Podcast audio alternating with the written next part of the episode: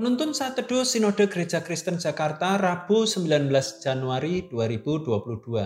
Janji dan perjanjian Mazmur 89 ayat 27 sampai 37. Dia pun akan berseru kepadaku, Bapakku engkau Allahku dan gunung batu keselamatanku. Aku pun juga akan mengangkat dia menjadi anak sulung, menjadi yang maha tinggi di antara raja-raja bumi Aku akan memelihara kasih setiaku bagi dia untuk selama-lamanya dan perjanjianku teguh bagi dia.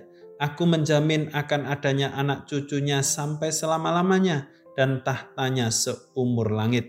Jika anak-anaknya meninggalkan Tauratku dan mereka tidak hidup menurut hukumku, jika ketetapanku mereka langgar dan tidak berpegang pada perintah-perintahku, maka aku akan membalas pelanggaran mereka dengan gada dan kesalahan mereka dengan pukulan-pukulan, tetapi kasih setiaku tidak akan kujauhkan daripadanya, dan aku tidak akan berlaku curang dalam hal kesetiaanku.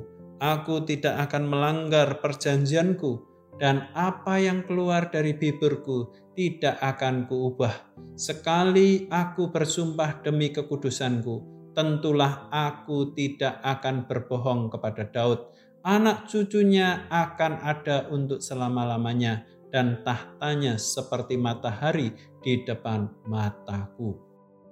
Dalam pelayanan, saya menemukan banyak anak Tuhan yang senang dengan istilah janji Tuhan. Bahkan tidak sedikit hamba Tuhan yang selalu berkhotbah tentang janji-janji Tuhan.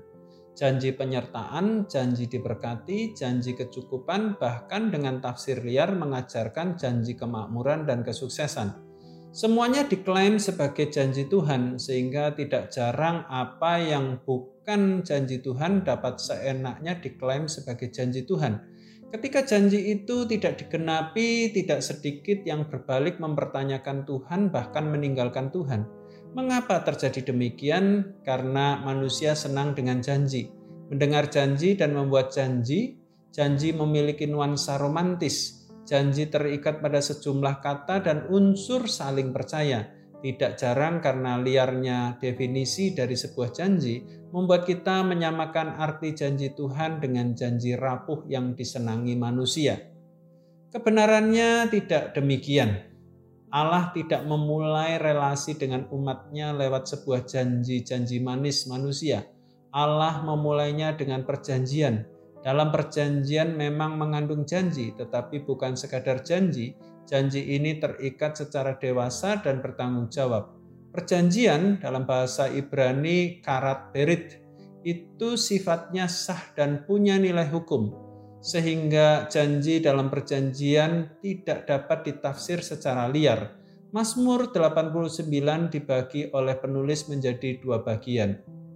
Pertama, ayat 1 sampai 37 adalah keturunan Daud yang benar. Kedua, ayat 38 sampai 51 adalah keturunan Daud yang melanggar perjanjian dengan Allah yang menunjukkan betapa rapuhnya manusia menghidupi perjanjian dengan Allah.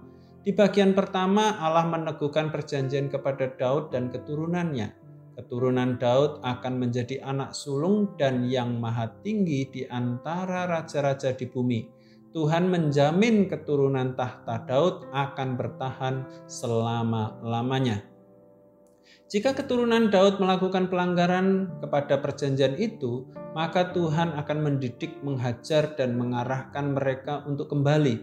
Allah tidak akan mengubah kesetiaannya. Ia konsisten dalam perkataannya, Allah mengikat perjanjian dengan sumpah dan tidak berbohong. Kepastian yang dibangun atas perjanjian itu seperti bulan yang selalu hadir sebagai satelit bumi. Perjanjian itu diikat melalui anak sulung, yaitu Yesus Kristus, dan kepada semua orang yang percaya kepadanya, mereka akan mendapat perjanjian kekal. Sebelum kita memahami janji Allah, kita harus mengerti perjanjian Allah yang diikat dengan umatnya Perjanjian itu tidak menjamin kehidupan yang makmur, sukses, dan bahagia senantiasa. Perjanjian itu berisikan pendamaian kekal yang sudah digenapi secara total dalam penebusan Yesus Kristus. Perjanjian itu berisikan status dan identitas sebagai umatnya. serta memimpin umat dalam mengikutnya menuju kekekalan. Kebenaran ini seharusnya memberikan rasa aman, syukur, dan gentar saat mengarungi dunia yang penuh kesulitan dan penderitaan. Allah tidak pernah berjanji bahwa umatnya akan terhindar oleh kesulitan hidup, namun dia berjanji menjadi Allah bagi umatnya untuk selama-lamanya.